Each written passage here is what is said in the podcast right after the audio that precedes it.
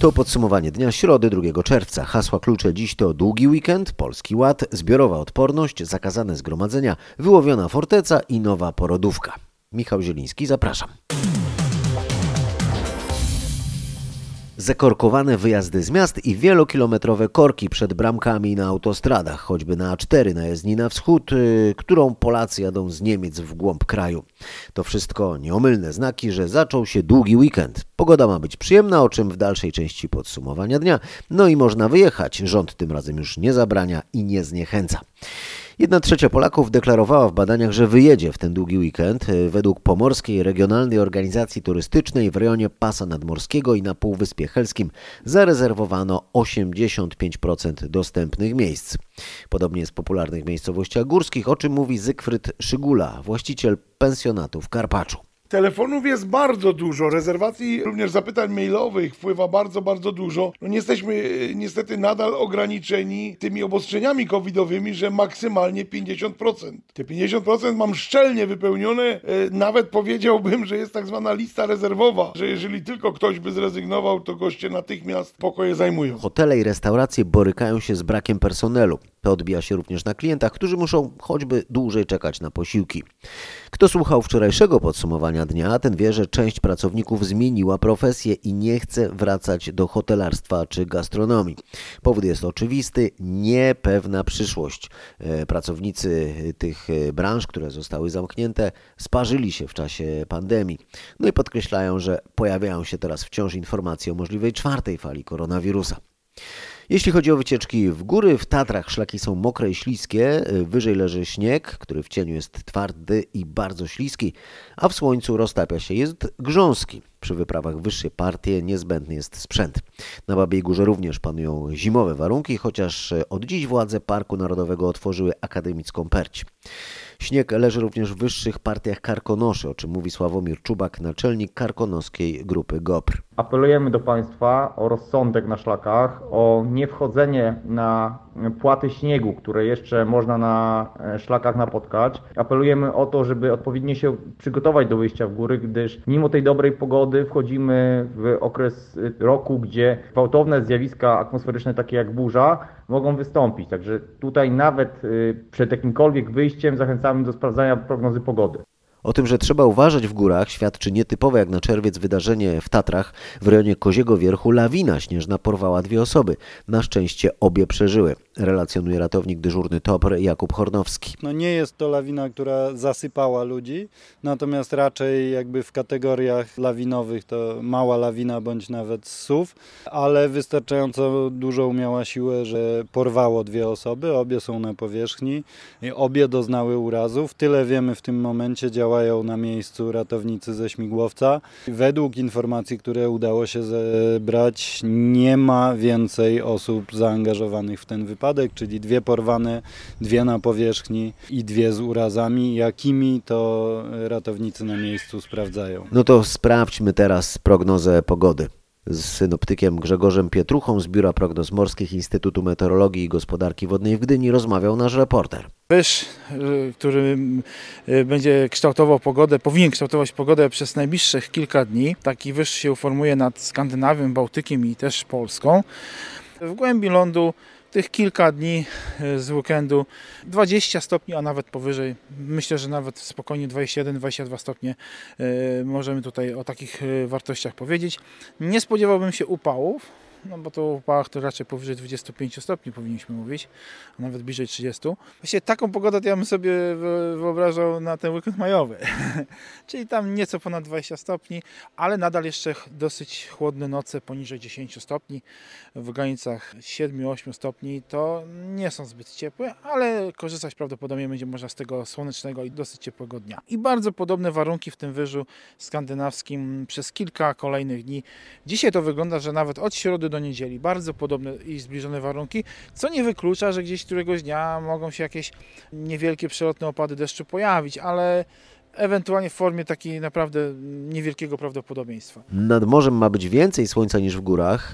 E, Morskie oko, maksymalne temperatury od 11 stopni w piątek do 15 w niedzielę.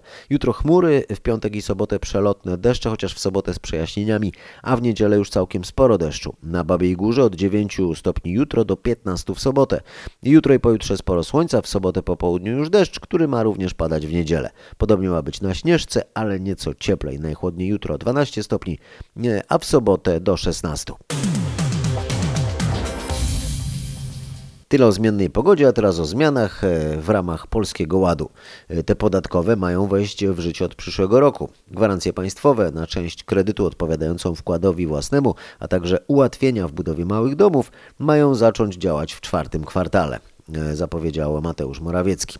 E, Premier ogłosił, że pakiet przepisów wprowadzających tzw. Polski Ład trafić ma do Sejmu lada dzień. Te zmiany to m.in. zwiększona kwota wolna od podatku, emerytury do 2,5 tysiąca złotych bez podatku, dopłaty i gwarancje do kredytów. A przy okazji Mateusz Morawiecki podkreślał, że wynagrodzenia w Polsce rosną teraz wyjątkowo szybko. Nigdy nie było wcześniej takiej pięciolatki czy czterolatki, patrząc na kadencje rządowe. Nigdy nie było takiego okresu, kiedy tak szybki przyrost wynagrodzeń brutto i netto jeszcze szybszy. Obecnie mierzone przez GUS średnie wynagrodzenie brutto jest rzeczywiście wyższe niż rok temu o prawie 10%, z tym, że inflacja również ta mierzona przez GUS sięga 5%, więc wedle oficjalnych danych połowę podwyżek płac zjadła już inflacja. A premier, jak się okazuje, lubi haratnąć w gałę. Przy okazji Dnia Dziecka, odpowiadając na pytania pierwszaków ze szkoły w Bielisze koło Radomia, Mateusz Morawiecki wyznał, że z przyjemnością gra w piłkę nożną, ale nie z kolegami politykami, jak kiedyś Donald Tusk.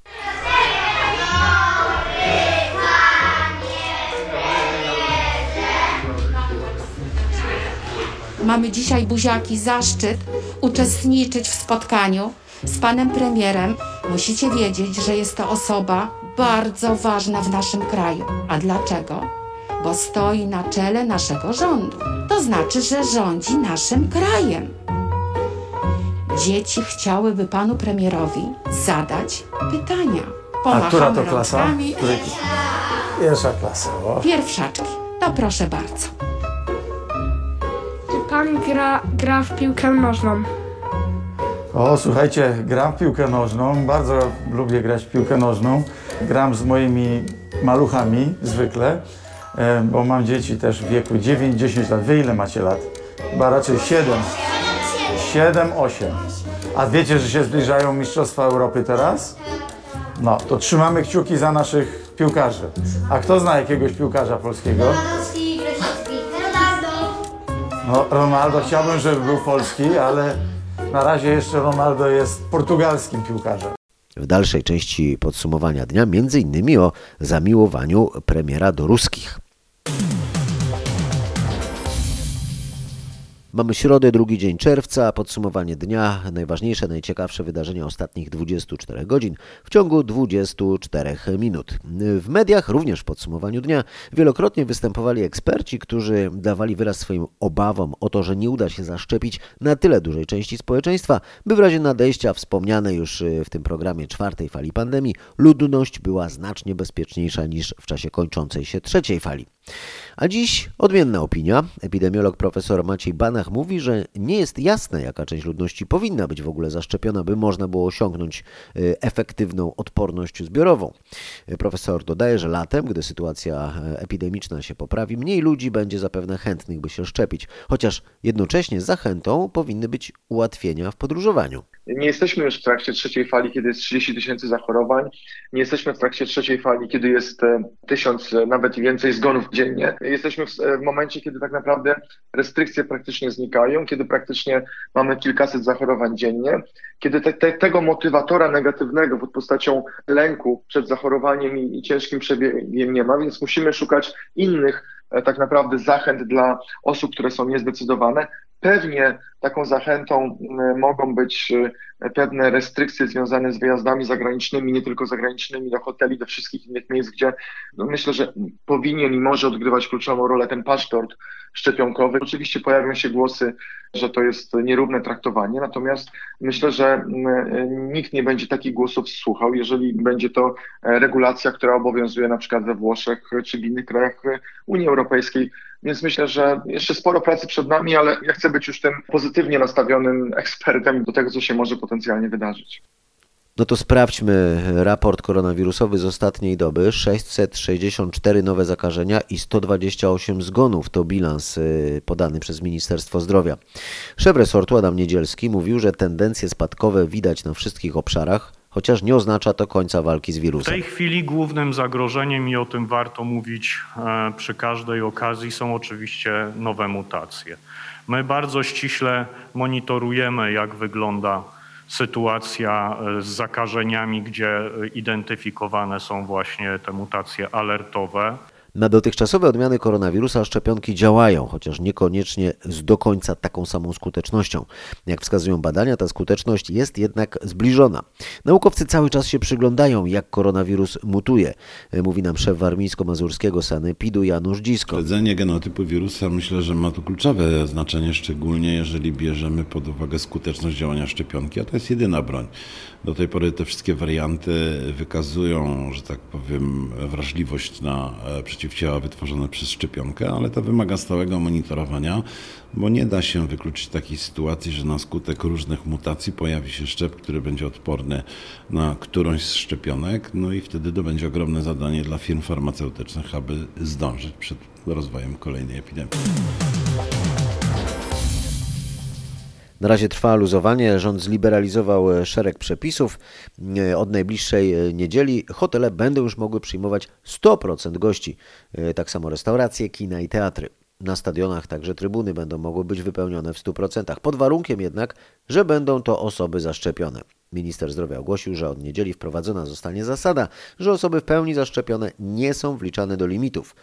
E, Krzysztof Berenda opowie o tym, jak to miałoby wyglądać w konkretach. W szykowanym rozporządzeniu ma to zostać zapisane w ten sposób, że w poszczególnych branżach, firmach i instytucjach obowiązują pewne limity. Na przykład do sklepu cały czas może wejść jedna osoba na 15 metrów kwadratowych, do kina czy teatru może wejść 50% widowni, na stadion 25% kibiców, na wesele może iść 150 osób, a na koncert 250. Ale w każdym tym przypadku, podkreślam, w każdym ma zostać dopisany jeden ważny wyjątek. Jeżeli ktoś jest zaszczepiony, nie będzie liczony ani w limitach hotelowych, ani w limitach e, właśnie konferencyjnych, ani we wszystkich innych limitach, z którymi mamy do czynienia. Tak mówi minister zdrowia Adam Niedzielski. Weryfikacja tego niestety może być fikcją. Z drugiej strony spodziewają się, że przedsiębiorcy mogą nas czasem pytać o zaświadczenie o byciu zaszczepionym, więc taki dokument warto mieć przy sobie na przykład w telefonie. Jednocześnie rząd chce wydłużyć zakaz organizowania spontanicznych zgromadzeń publicznych, dowiedzieli się em, dziennikarze RMFFM.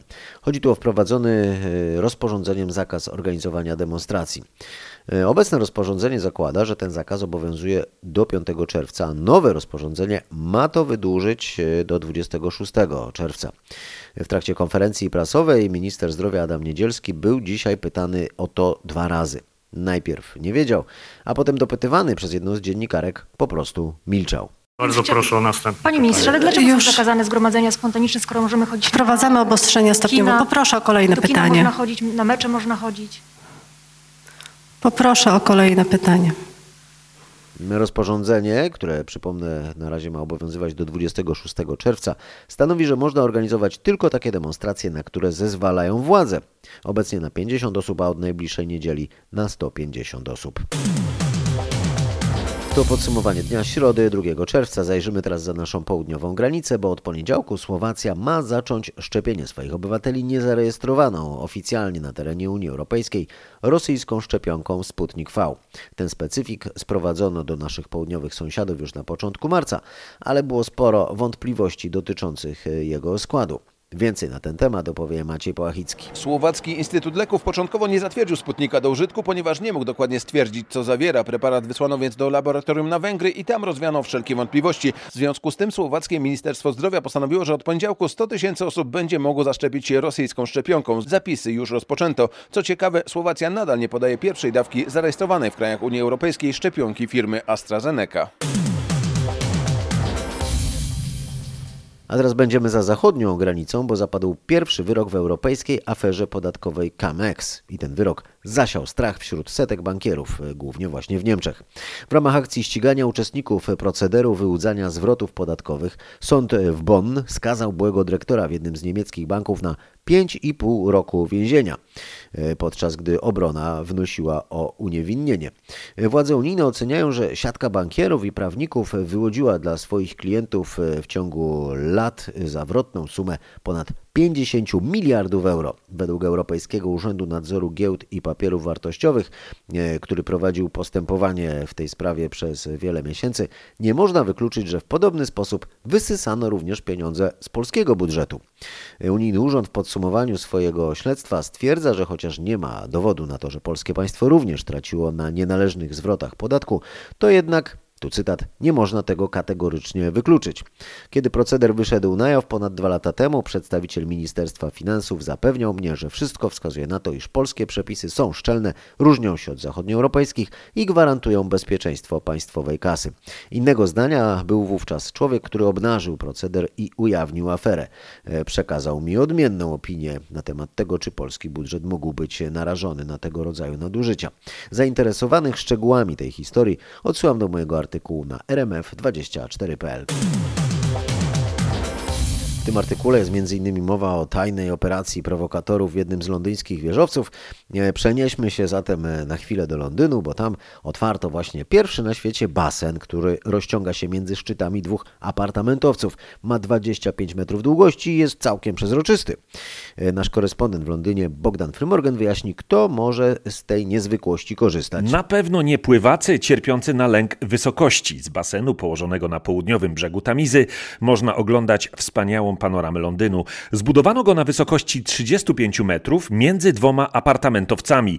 Niestety mogą z niego korzystać wyłącznie właściciele lub lokatorzy mieszkań, jakie znajdują się w obu wieżowcach. Jeśli ma się w kieszeni 900 tysięcy funtów na zakup mieszkania lub nawet 6,5 tysiąca za miesięczny czynsz, z basenu można korzystać za darmo. Po analizie tych faktów zimny prysznic nie zaszkodzi. No to było o wodzie wysoko nad głowami, a teraz o pogłębianiu toru wodnego w Zalewie Szczecińskim. E, To pogłębianie przynosi kolejne odkrycia. Wśród znalezisk jest kompletny, no i może nie na chodzie, ale dobrze zachowany silnik legendarnej latającej fortecy, czyli amerykańskiego B-17. Z mułu wydobyto już również setki zagubionych kotwic, elementy uzbrojenia okrętów, a nawet późno-średniowieczny Ten, e, miecz. Samolot brał udział w nalocie na fabrykę benzyny w Policach i został strącony 7 października 1944 roku. On przewodził, prowadził całą tą formację i na nim skupił się ogień przeciwliczy wszystkich tych baterii e, niemieckich. Pamiętajmy, że w tamtym okresie e, fabryka benzyny była dla Niemców bardzo ważna, bo to jedyne źródło paliwa dla ich czołgów, dla ich pojazdów, a oni cały czas starali się dramatycznie e, stawiać opór. Dla aliantów to też był bardzo ważny cel bombardowań. Dlatego ten nalot, dlatego ten nalot i w tym nalocie, w tym dniu brało udział od 144 do 149 amerykańskich bombowców B-17. Różne źródła różnie podają. To jest duża eskadra. Duża, y, to były cztery eskadry y, i z tej całej liczby podobno zostało 17 strąconych w tym dniu. To jest bardzo dużo, tak?